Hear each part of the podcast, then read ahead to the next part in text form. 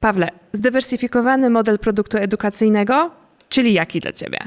Według mnie zdywersyfikowany to jest taki, który pozwala dotrzeć do różnych y, odbiorców w różnych formatach.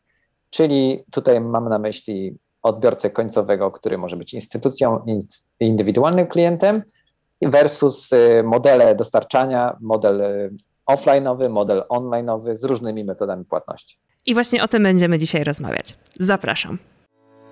Cześć, słuchasz Project People Podcast, czyli audycji biznesowej, w której spotykają się strategzy oraz praktycy, omawiając zagadnienia związane m.in. z modelami biznesowymi. Jako linowa agencja strategiczna z ponad czteroletnim doświadczeniem na rynku polskim i zagranicznym zajmujemy się tworzeniem strategii biznesowych i marketingowych, badaniami oraz UX designem. Do każdego odcinka podcastu przygotowujemy materiały dodatkowe, które są uzupełnieniem tej rozmowy. Wystarczy, że wpiszesz w pasku przeglądarki projectpeople.pl/24, a znajdziesz transkrypcję podcastu oraz specjalną checklistę, dzięki której samodzielnie przeanalizujesz konkurencję w swojej branży. A teraz zaczynajmy. Cześć, z tej strony Sylwia Paszyna. W Project People jestem konsultantką marketingową. W dzisiejszym podcaście mam przyjemność rozmawiać z Pałem Czerwonym, współzałożycielem Bicreo Technologies, działającym w branży EdTech i rozwijającym produkt eduk edukacyjny Scotty.go. Cieszę się, że ze mną dzisiaj jesteś i cieszę się mm, niesamowicie na temat, który będziemy dzisiaj podejmować, bo będziemy mówić o rozwijaniu produktu edukacyjnego w zdywersyfikowanym modelu. Mówię zdywersyfikowanym, bo z jednej strony przyjmującym różne formy, e, ale także skierowanym do, różnej, do różnych grup odbiorców, docierającym do bardzo różnych kręgów kulturowych i sprzedawanym też w różnych modelach płatności. Powiemy sobie dzisiaj o tym, jak godzić różne interesy, zwłaszcza kiedy mm, buyer persona, na przykład rodzica albo nauczyciele, nie jest równa user personie, czyli uczniom albo dzieciom korzystającym e, w domu z jakiegoś rozwiązania. Odniesiemy się także do tego, jakie wyzwania mogą się pojawić przy pracach nad takim produktem. Natomiast zanim do tego wszystkiego przejdziemy, to myślę, że dobrze będzie jeszcze powiedzieć więcej o naszym gościu i o tym, dlaczego spotykamy się przy okazji podcastu. Pawle, powiedz proszę, czym się zajmujesz? Więc e, reasumując moje dotychczasowe działania, mogę powiedzieć, że działam w branży EdTech od już ponad 16 lat. E, rozwijam biznes e, zarówno w zakresie nowych partners, czy też nowych e, możliwości sprzedaży oraz marketingu produktów, jak i również od kilku lat mam możliwość zarządzania firmą, a także budowania od początku do końca nowych produktów.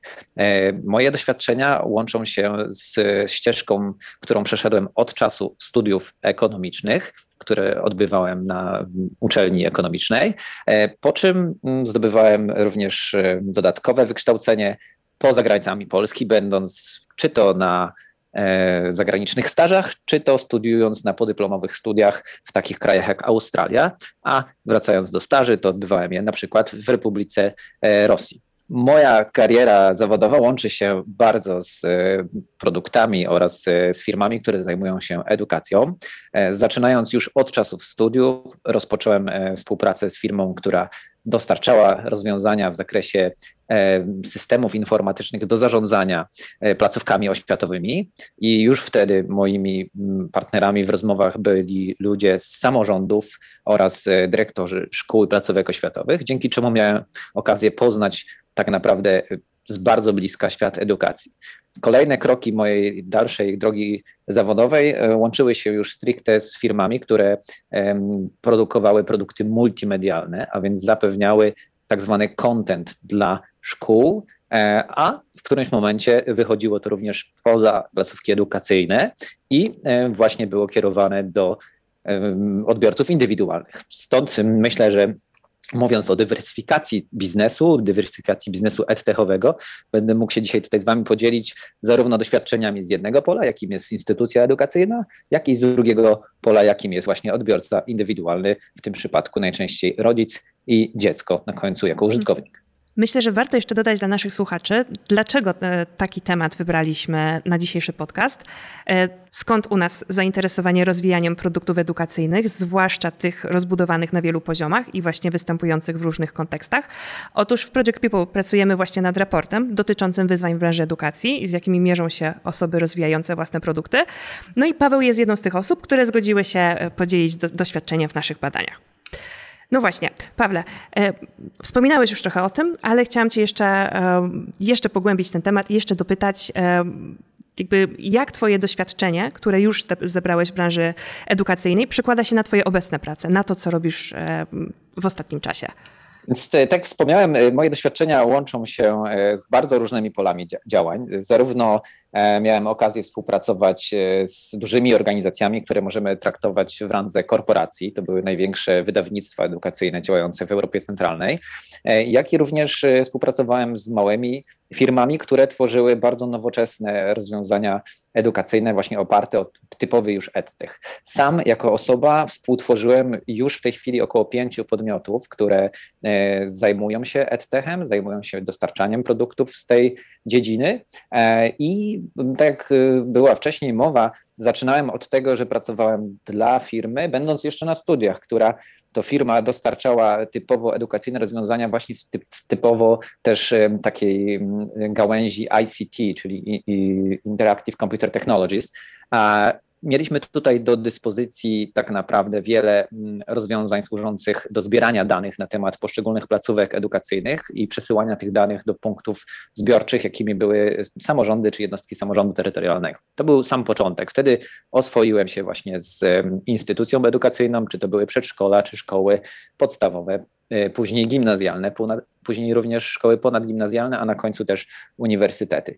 Te pierwsze doświadczenie dało mi do zrozumienia, że biznes, który chciałbym robić w życiu, to nie tylko jakby i wyłącznie pieniądze i, i, i, działania typowo takie komercyjne, ale również chciałbym znaleźć taki głębszy sens w tym, co robię. Stąd też branża edukacyjna wydała mi się bardzo atrakcyjną, ponieważ uważam, że niesie ze sobą pewnego rodzaju misję społeczną, e, którą każdy z nas pracujący tutaj, e, dostarczający rozwiązań spełnia, bo tak naprawdę dbamy o to, co się wydarzy kiedyś i pomagamy edukować obecne pokolenia młodych ludzi, którzy kiedyś będą podejmowali najważniejsze decyzje na tym świecie. Stąd też e, właśnie kierunek po tym pierwszym moim doświadczeniu uznałem, że to jest dobry kierunek. E, w międzyczasie, po tych pierwszych doświadczeniach, miałem okazję studiować e, właśnie w Australii przez rok czasu stosunki międzynarodowe i wtedy też pogłębiałem wiedzę na temat tego, jak działa się na różnych rynkach, między innymi w, w takim wielokulturowym e, środowisku. A po powrocie do kraju zacząłem właśnie współpracę z nowymi podmiotami i między innymi miałem okazję już e, w 2008 roku założyć pierwszą ze spółek, która zajmowała się dostarczaniem interaktywnych narzędzi do szkół, a także aplikacji, która służyła do odczytywania podręczników, które do tej pory działały w formie e, tradycyjnej, a dzięki nam przybrały formę elektroniczną.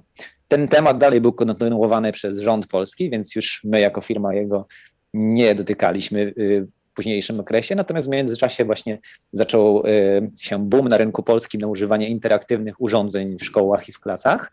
E, i zaczęliśmy, ja wspólnie właśnie z, z graczami takimi jak wydawnictwa edukacyjne zacząłem tworzyć i dostarczać na rynek e, produkty, które były przydatne i do, do szybkiego wykorzystania tak naprawdę na e, narzędziach, które już powoli zaczynały być obecne w szkołach, czyli to były tablice interaktywne, tablety, czy też właśnie monitory interaktywne, które teraz e, w chwili obecnej znowu zaczynają wieść prym i, i wypierają te tradycyjne tablice interaktywne.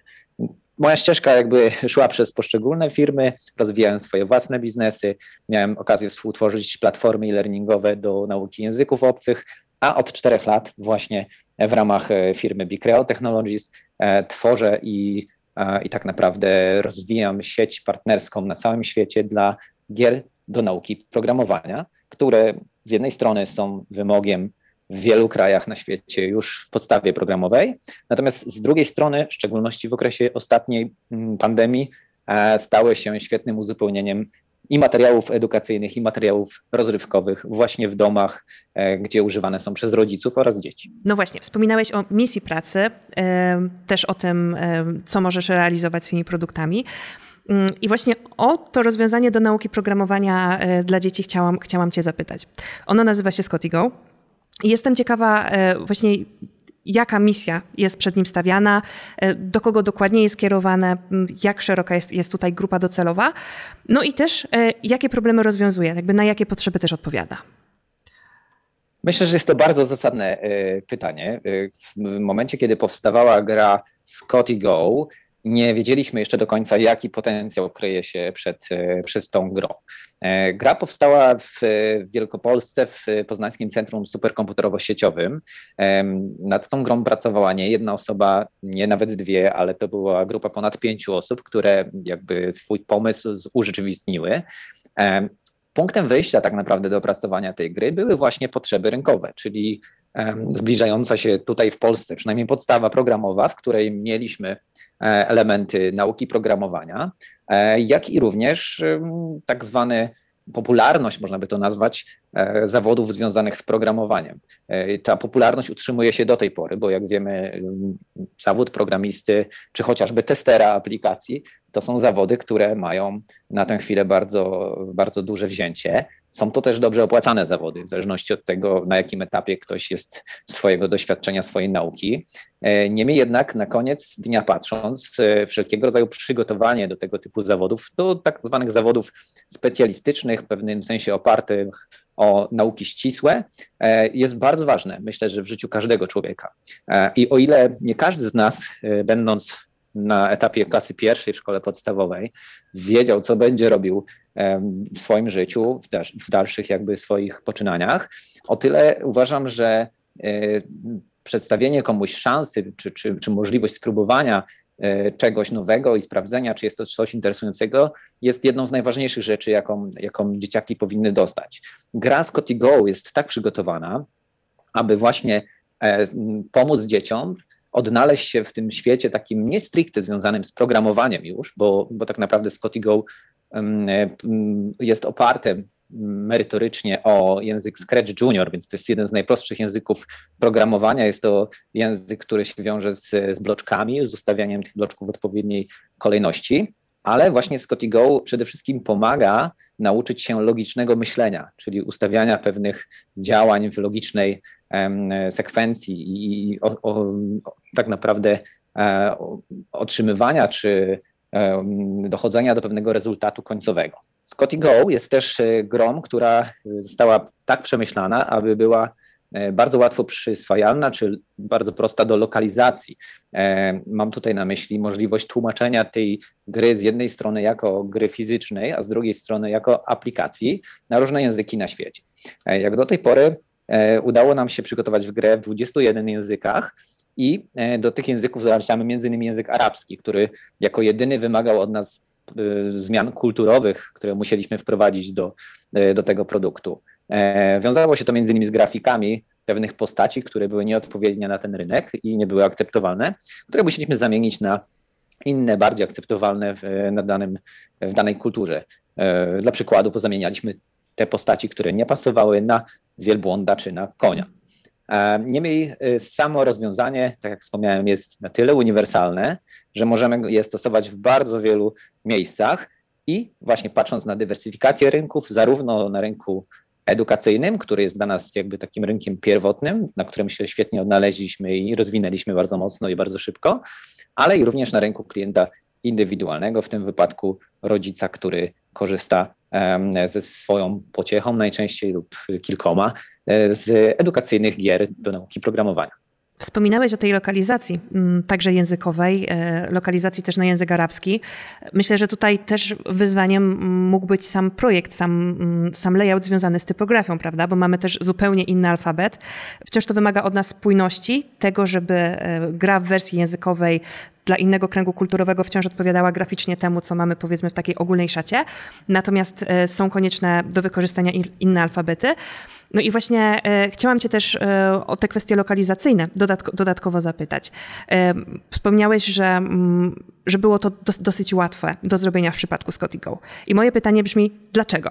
To jest ciekawa jakby rzecz, którą można opowiedzieć, opisać. Otóż jednymi z największych wyzwań dla nas były języki, które były no, najmniej znane nam tutaj w kręgu europejskim. Już sam język rosyjski z cyrylicą był dosyć dużym wyzwaniem, przy czym tutaj akurat jesteśmy dosyć w stanie szybko zareagować, bo na przykład mamy pewną tradycję w Polsce, która się wiązała z nauczaniem tego języka i wielu z nas jeszcze zna ten język dobrze. Natomiast języka koreańskiego czy japońskiego i dalej patrząc e, właśnie arabskiego, który mamy w dwóch wersjach, bo jedna z nich jest przygotowana dla Arabii Saudyjskiej, druga jest dla ogólnie rynku arabskiego, czyli dla całej Zatoki Perskiej, krajów północnej Afryki to to już było e, wyzwanie, z którym byśmy sami sobie na pewno nie dali rady. Otóż tłumacząc jeden do jednego wszystkie elementy zarówno z aplikacji, która jest częścią gry, jak i też z samych elementów pudełka Scotty Go, e, zawsze e, posiłkowaliśmy się współpracą z naszymi partnerami.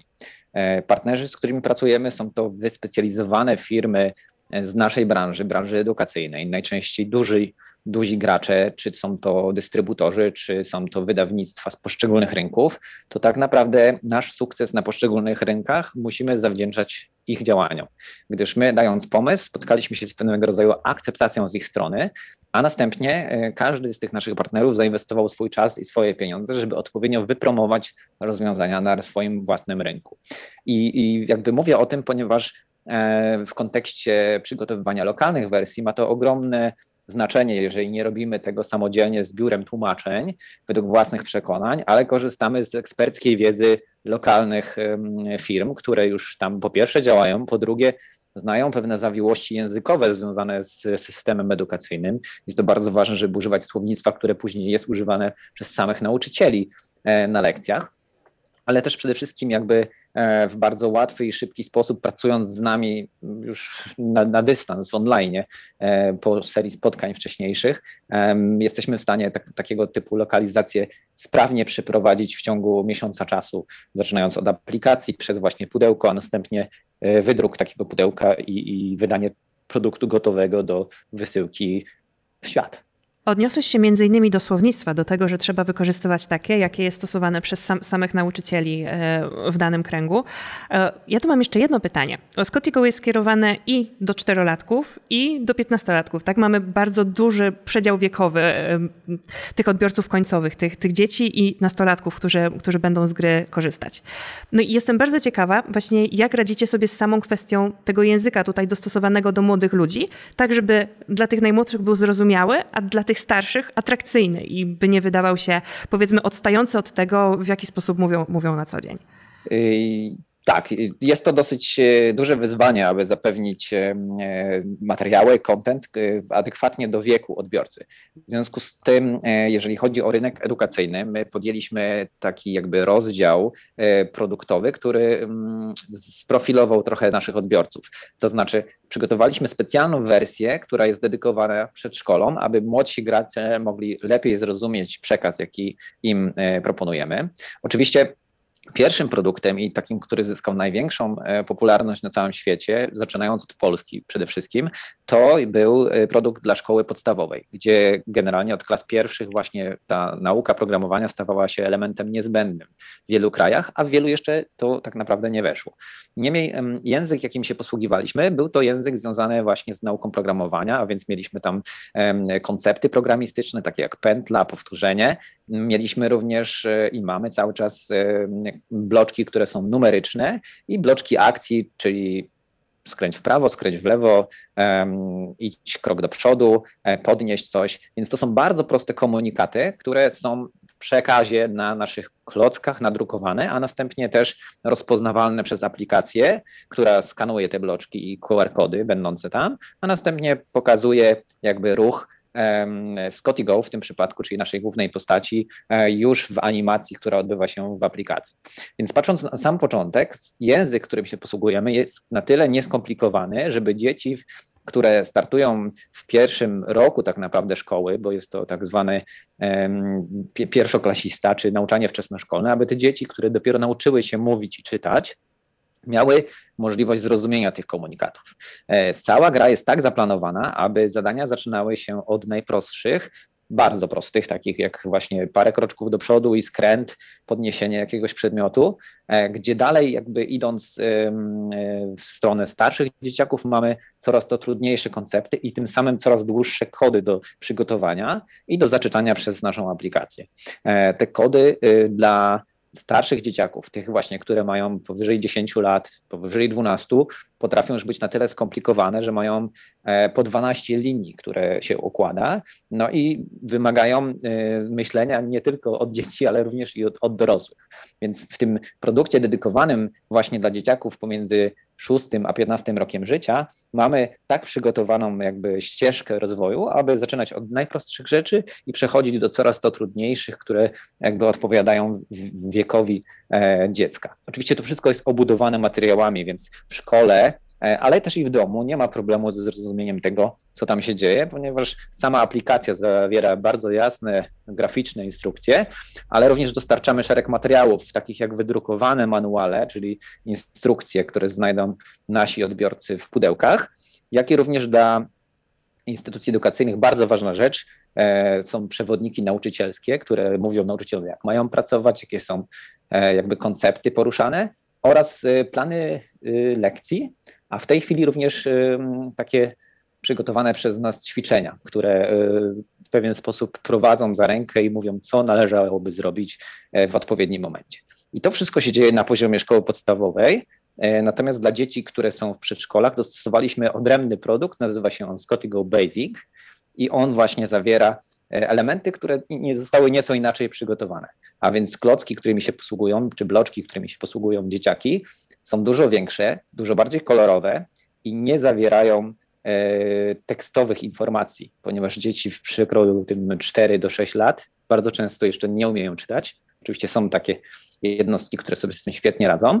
My, aby sprostać jakby e, tym zadaniom i tym wyzwaniom, przygotowaliśmy w ten sposób tą grę dla młodszych dzieciaków, aby e, koncepty poruszane przez, przez nie nie były trudniejsze niż 20 24 pierwsze E, że tak powiem, poziomy naszej gry oraz aby ta forma pracy była bardziej przystępna, czyli właśnie tutaj ta nasza grafika dużo bardziej odpowiednia, kolorowe bloczki, e, brak tekstów, ale i też scenariusze zadań dla nauczycieli, w tym, w tym wypadku dla pań przedszkolanek i panów e, przedszkolanków, które pozwalają na prowadzenie w sposób interaktywny ciekawe lekcji, ale też z uwzględnieniem oszczędzania między innymi wzroku tych małych dzieci, ponieważ o ile starsze dzieciaki mogą więcej czasu spędzić przy monitorze, na przykład skanując klocki lub y, oglądając rozwiązania, o tyle młodsze dzieci jeszcze nie powinny tego robić i dlatego y, aplikacja i, i sam sposób prowadzenia zajęć właśnie dla młodszej grupy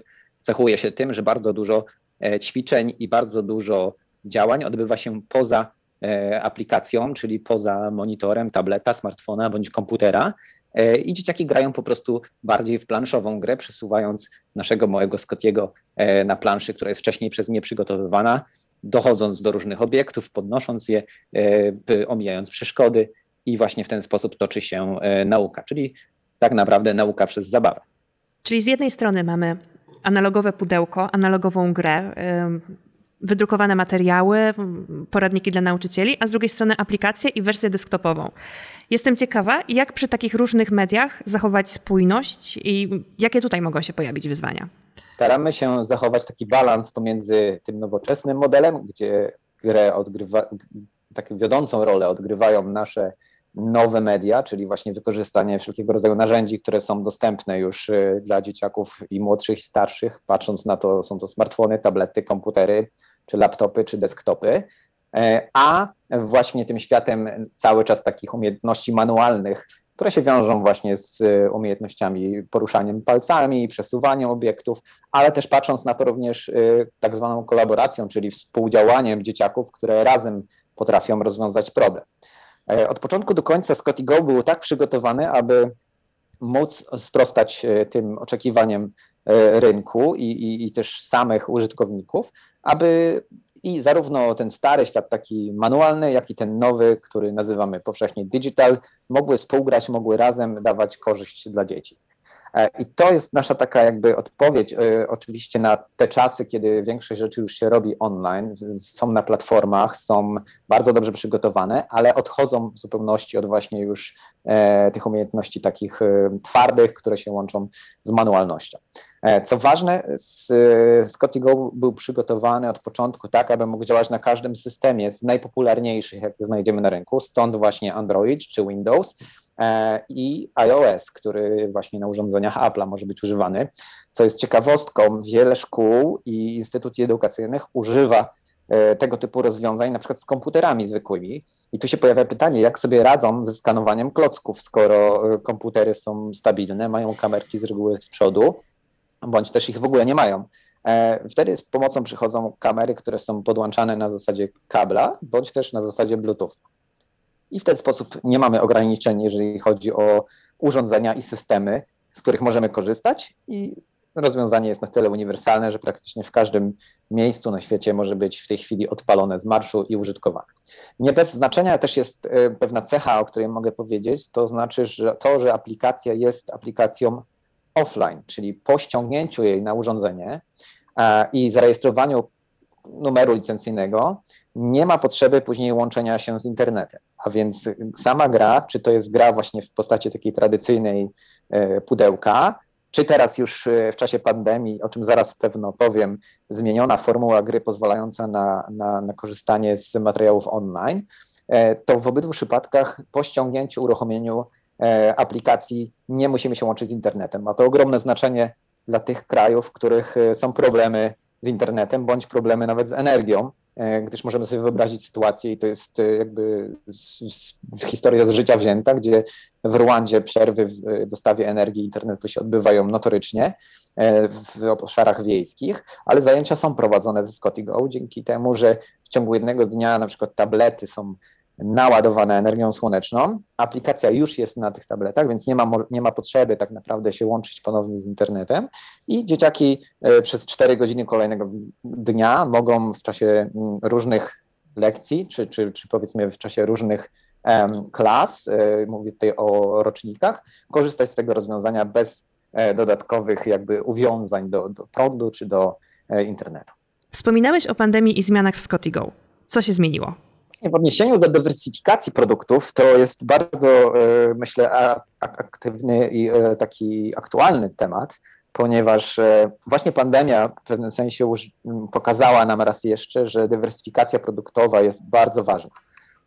Do tej pory, przez ostatnie trzy lata, do, do, czasu pandemii w 2020 roku, głównie się koncentrowaliśmy na rynku edukacyjnym. Tworzyliśmy szereg rozwiązań i materiałów do tego rynku i bez większego znaczenia dla nas był ten rynek takiego domowego użytkownika. To było zaledwie parę procent naszej sprzedaży rocznej i też dlatego pewno nie e, przywiązywaliśmy do tego bardzo dużej uwagi. Pandemia uzmysłowiła nam, że w czasach, kiedy e, zaczyna się twardy lockdown w placówkach edukacyjnych, e, rzeczywiście no, tracimy kompletnie rynek, na którym czuliśmy się mocni i który użytkował bardzo nasze produkty. Jednocześnie pandemia też spowodowała, że y, z drugiej strony rynek odbiorcy indywidualnego bardzo silnie urósł. Są takie dane globalne mówiące o tym, że sprzedaż gier edukacyjnych, gier zwykłych, planszowych, a także puzli urosła w ciągu 2020 roku o 260%. Mogę to potwierdzić, ponieważ też nasze dostawy związane ze współpracą z sieciami e, takimi, które sprzedają online, czy też sprzedają w fizycznych sklepach, bardzo, bardzo wzrosły. I uświadomiliśmy sobie, że, że ta dywersyfikacja ma ogromne znaczenie dla nas i dla biznesu na przyszłość, y, aby nie trzymać się kurczowo jednej i takiej, nazwijmy, działki, tak, jaką na przykład tutaj w naszym przypadku była tylko i wyłącznie edukacja, ale również, żeby inwestować środki i, i działania w to, żeby, żeby była też druga noga dla, um, dla tego typu produktów. Co oczywiście nauczeni tym doświadczeniem z 2020 zrobiliśmy i już w tym roku Oprócz tego, że pojawiły się mobilne gry, które są dostępne w marketach Androida i iOS-a, tutaj mam na myśli Labyrinth Mobile, to również powstają i są wydawane na rynki światowe y, gry pudełkowe o charakterze właśnie takim dedykowanym na rynek indywidualny. E, w tym roku to będą dwie premiery. Jedna ma miejsce teraz w kwietniu, druga będzie za około 4-5 miesięcy, ale to właśnie pokazuje, że dywersyfikacja jest nam potrzebna i de facto, gdyby nie ta dywersyfikacja w takim najmniejszym stopniu, no to podczas czasów pandemii byłoby nam jeszcze trudniej e, utrzymać zespół i firmę nad wodą w tej chwili. Jeżeli chodzi o ScottyGo, z jednej strony mamy ten rynek domowy, o którym wspomniałeś, kupujących rodziców, którzy e, chcą w jakiś sposób przekazać tę wiedzę e, dzieciom. Z drugiej strony mamy cały sektor B2School, tak? E, jakby zainteresowanie nauczy nauczycieli tym produktem. Jestem ciekawa, w jaki sposób prowadzicie marketing tutaj, żeby dotrzeć do obu tych grup. to jest tak, że, że marketing, który jest tworzony w kierunku B2B, B2 School versus B2C, czyli klient z, tego, z tej grupy konsumer, jest bardzo różny. Wspomniałem wcześniej, że posiłkujemy się jakby w, w dotarciu do szkół i do instytucji edukacyjnych naszymi partnerami. I tak naprawdę kwestia marketingu i działań takich promocyjnych w dużej mierze spada właśnie na naszych partnerów, których e, w różnych krajach mamy różne ilości. Dla przykładu podam, że w Polsce takich partnerów jest aż trzech, a na przykład w większości krajów jest to jeden partner per jeden kraj. I Partnerzy są dobierani w ten sposób, aby ich zasoby umożliwiały nam szybkie i sprawne dotarcie do rynku. E, zasoby. To są między innymi, dla przykładu podam tutaj jednego z naszych e, najważniejszych na świecie partnerów, e, to, to są zasoby, które wiążą się z tym, aby każda szkoła usłyszała bądź też miała okazję dotknąć produktu, czyli wydawane katalogi dla mm, instytucji edukacyjnych, które do nich docierają co pół roku w nowym formacie i zawierają właśnie informacje o takich produktach, jakimi są na przykład gry do nauki programowania, ale nie bez znaczenia jest również rozbudowana sieć przedstawicieli handlowych, E, reprezentantów, którzy odwiedzają szkoły osobiście i prezentują rozwiązania. Z drugiej strony mógłbym powiedzieć o, o takiej bardzo dużej roli e, pewnych zautomatyzowanych działań, jakimi jest e-mail marketing czy, czy sam telemarketing, do, docierając do e, placówek instytucjonalnych, czyli placówek edukacyjnych.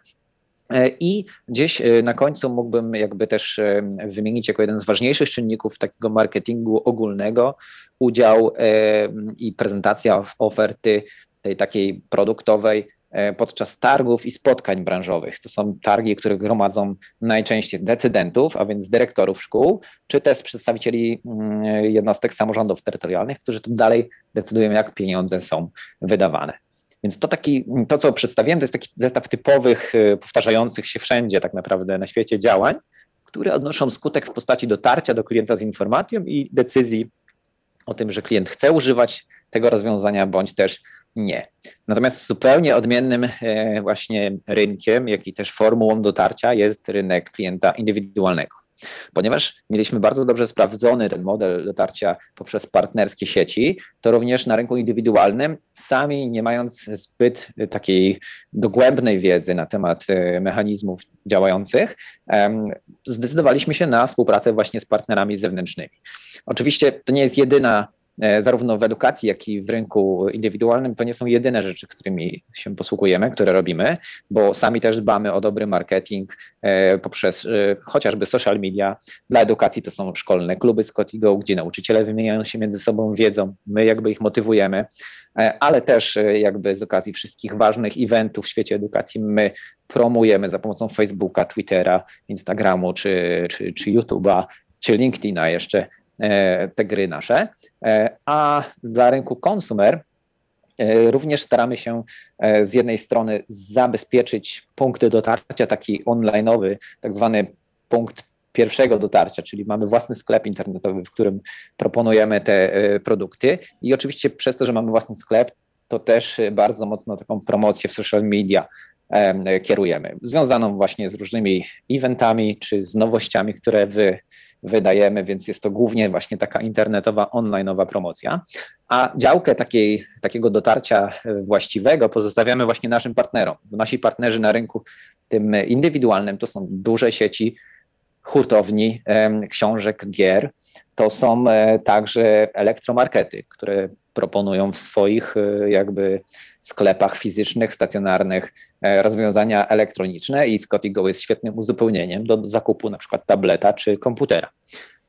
Każdy z tych wymienionych przeze mnie partnerów na rynku indywidualnym również ma swoje bardzo bogato rozbudowane E, działania marketingowe, które się wiążą z obecnością zarówno w internecie, jak i właśnie na różnego typu e, eventach branżowych, ale e, przede wszystkim jakby też nie koncentrujemy się, myślę, w tej chwili na jednego typu promocji, a więc tylko i wyłącznie na promocji takiej onlineowej, ale też dajemy szansę, żeby klienci mogli dotknąć i obejrzeć pudełko w sklepach. I tutaj mamy załóżmy w Polsce kilka takich miejsc, gdzie, gdzie możemy w każdej chwili podejść i zobaczyć to pudełko Scottigo, poczytać o nim więcej, co jest napisane na rewersie, co jest napisane z przodu, to są po prostu duże sieci e, handlowe, które, które sprzedają albo książki, albo właśnie elektroniczne urządzenia.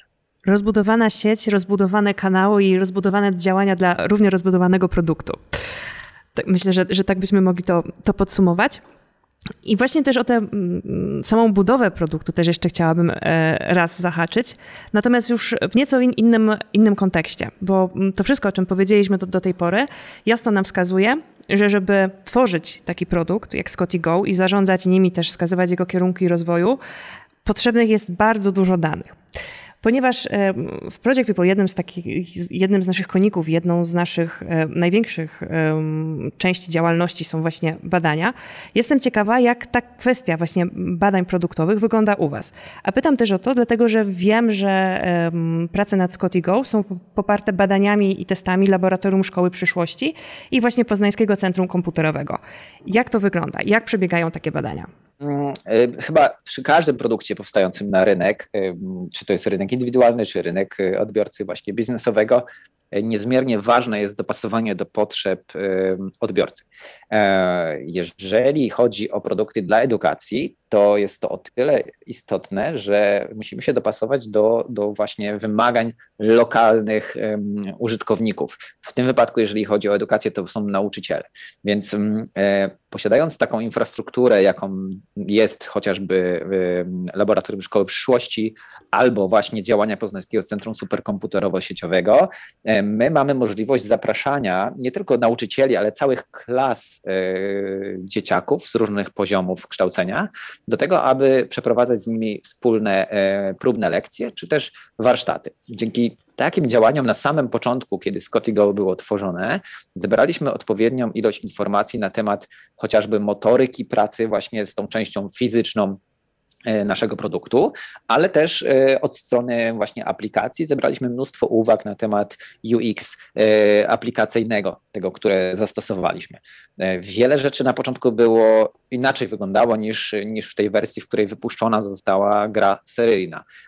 I, I właśnie zarówno od strony tutaj mm, samych e, użytkowników e, edukacyjnych, o których wspomniałem, czyli szkoły, nauczyciele, całe klasy przychodzące, jak i również od strony indywidualnego odbiorcy, bo te same dzieci, które grają e, na lekcji w Scotty Go, one mogą być użytkownikiem w domu dla innej części, na przykład naszych przygód Scottiego, która się dzieje w zupełnie innym miejscu w kosmosie, bądź na Ziemi, e, ale i zawiera też inne koncepty, które nie występują w poprzednich grach. Więc jednocześnie można by powiedzieć, że przeprowadziliśmy serię badań, które później pogłębialiśmy różnymi grupami fokusowymi. Zresztą teraz, kiedy wydajemy nowe produkty, również to robimy.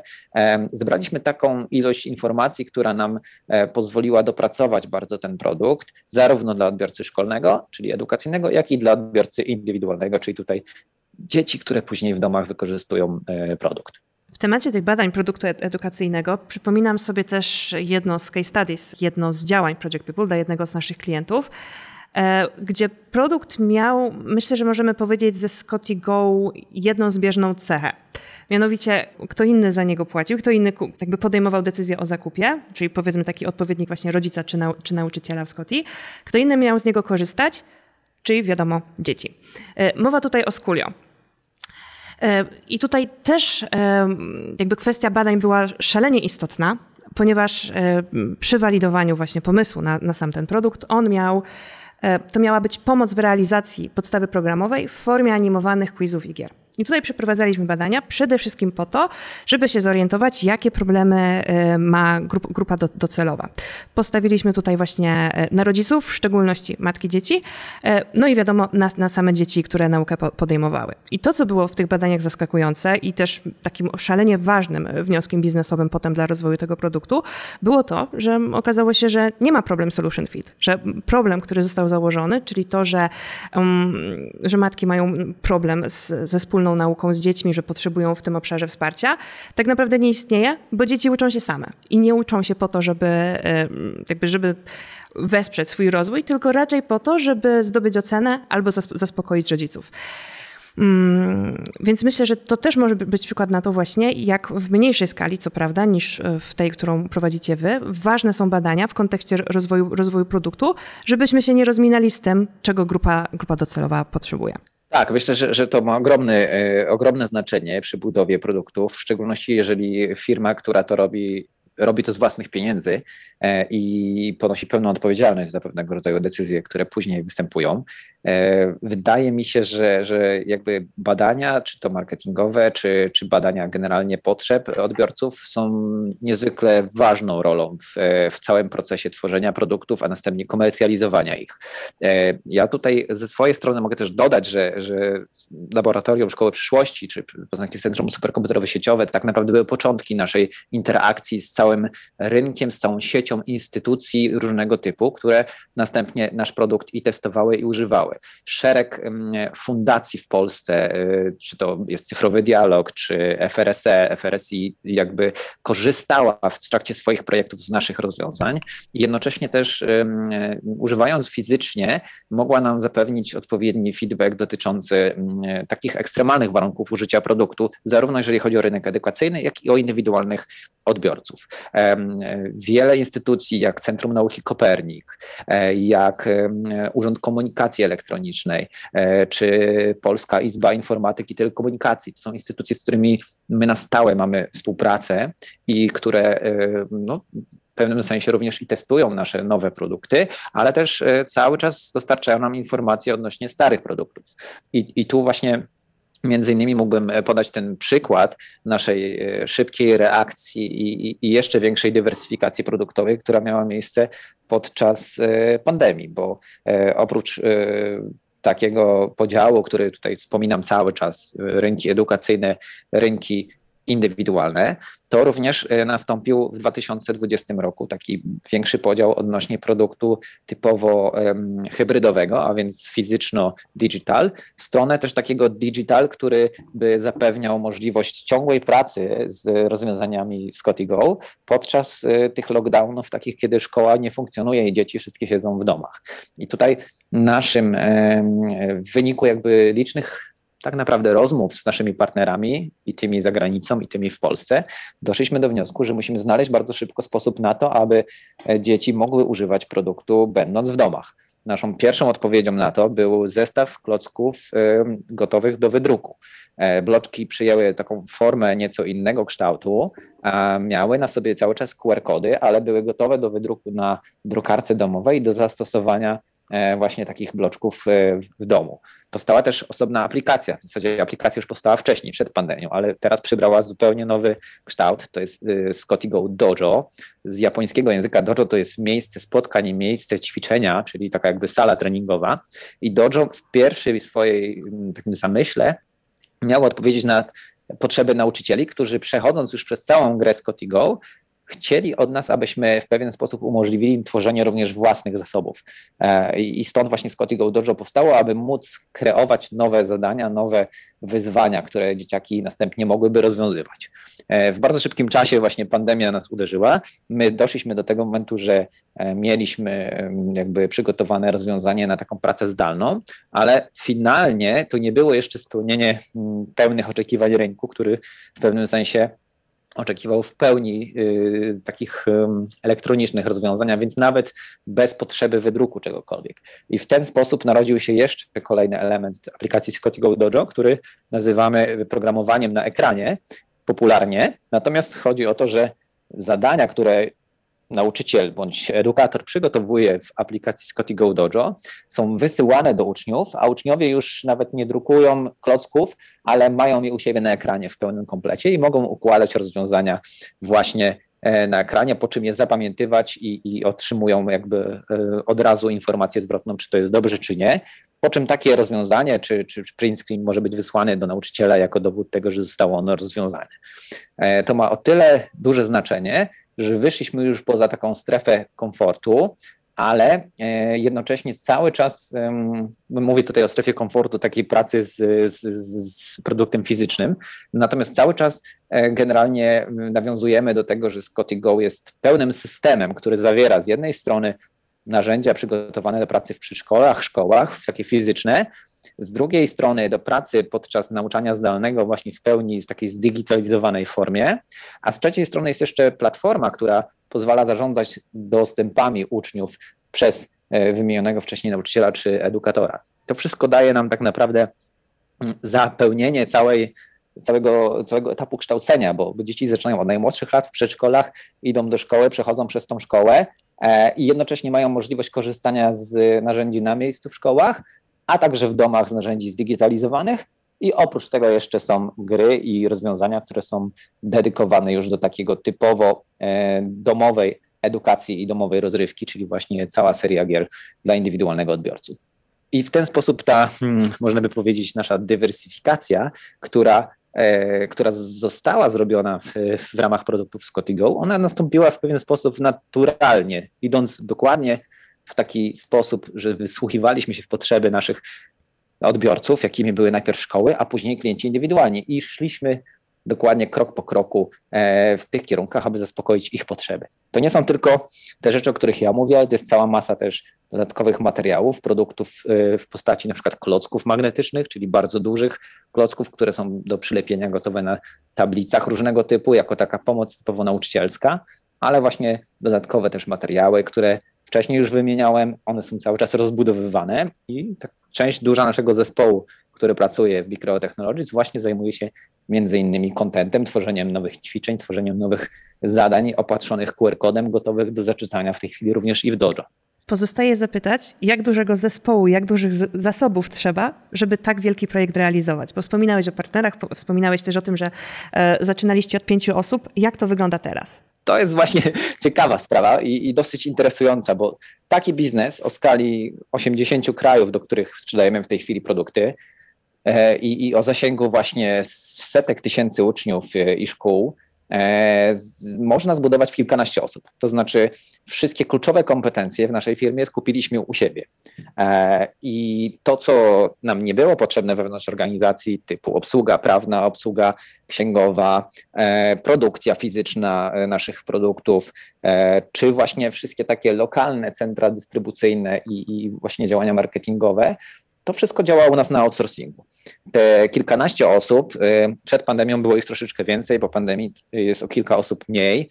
E, niemniej jakby wszystkie te takie najważniejsze funkcje mamy cały czas u siebie w zespole. E, to generalnie są osoby, które odpowiadają za produkt, za rynek, za sprzedaż, za marketing i też jest tak zwany zespół kreatywny, który tworzy to wszystko. Wśród tych ważnych osób są graficy, czy, czy wręcz in-house osoby, które odpowiadają za działania aplikacji, a więc tak typowi informatycy. Tu nie wspomniałem właśnie jeszcze o tym, że w ramach outsourcingu development produktów e, nowych i takich rozbudowanych jest też na zewnątrz, właśnie w Poznańskim Centrum Superkomputerowo-Sieciowym. Więc e, odpowiadając na to pytanie, jest nas w tej chwili 14 osób i generalnie biznes, który udało nam się w 3 lata zbudować na na skalę światową z 30 partnerami, umowami partnerskimi na poszczególne regiony świata. I jest to właśnie biznes opierający się o 14 osób in-house, czyli w samej firmie.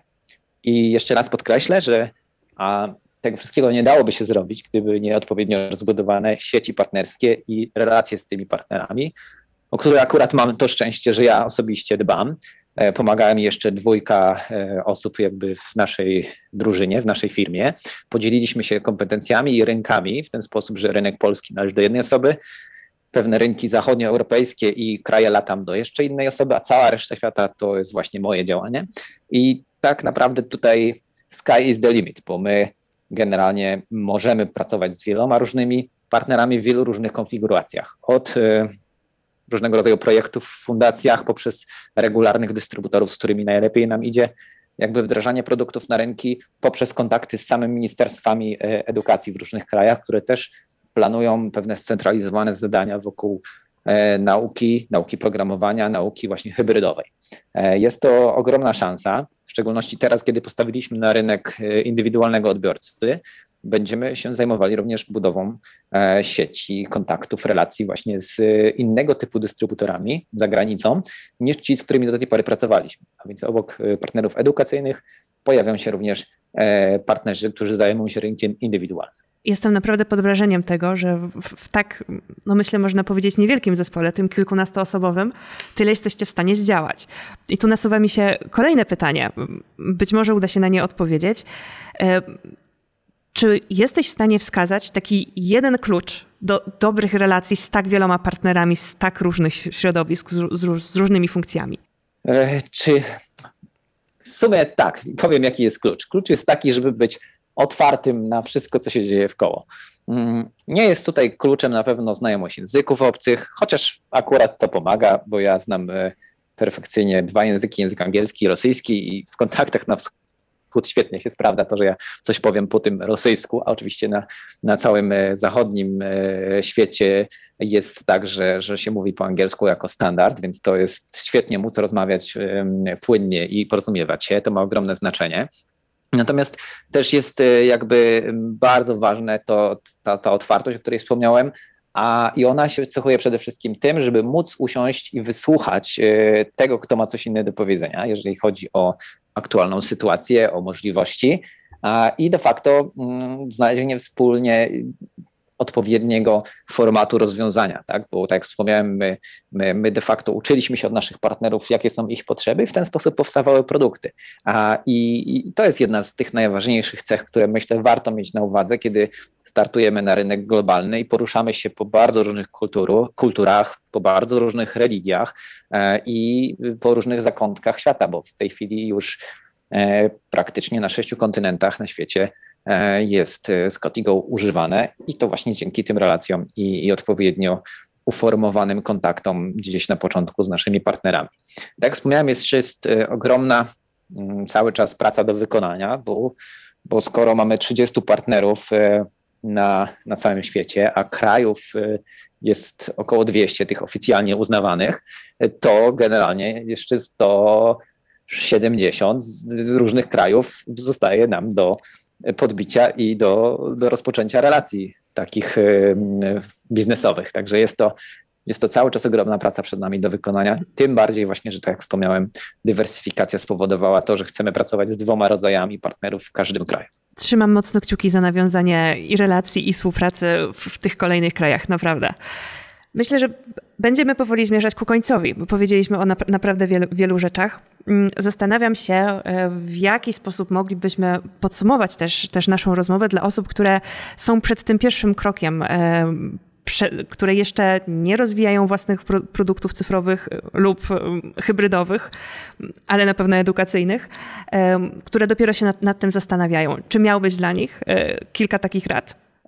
Chyba to właśnie, co powiedzieliśmy w trakcie rozmowy, że jest e, bardzo silna potrzeba, zanim cokolwiek będziemy tworzyć, bądź też jeżeli już coś tworzymy, jakby słuchania tego rynku zewnętrznego, rynku odbiorców e, i rynku pewnego rodzaju analiz również, no bo, no bo generalnie też tworząc coś z założenia, budując biznesplan, musimy wiedzieć, gdzie, gdzie dany produkt chcemy dostarczyć, jaki tam jest potencjał, e, jakie zachodzą w najbliższym czasie zmiany to w kontekście na przykład tych podstaw programowych, czy, czy, czy, czy takich globalnych, gospodarczych, społecznych zmian, bo są kraje na świecie, które są w ogóle niedoceniane z perspektywy biznesu, na przykład to są takie kraje jak Pakistan, e, czy no Indie są doceniane, ale generalnie to są kraje, w których jest bardzo dużo młodych ludzi, którzy cały czas się rodzą, którzy budują ogromną masę potencjalnych odbiorców. To nie są kraje bogate pod względem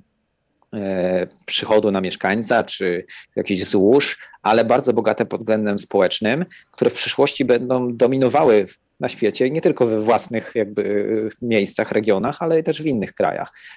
Więc e, tego, tego akurat się nauczyłem od partnerów, którzy, którzy budują bardzo duże biznesy e, o zasięgu światowym, że że należy zwracać uwagę na małe rzeczy w tym całym świecie, które tak naprawdę w przyszłości mogą się okazać dużą szansą.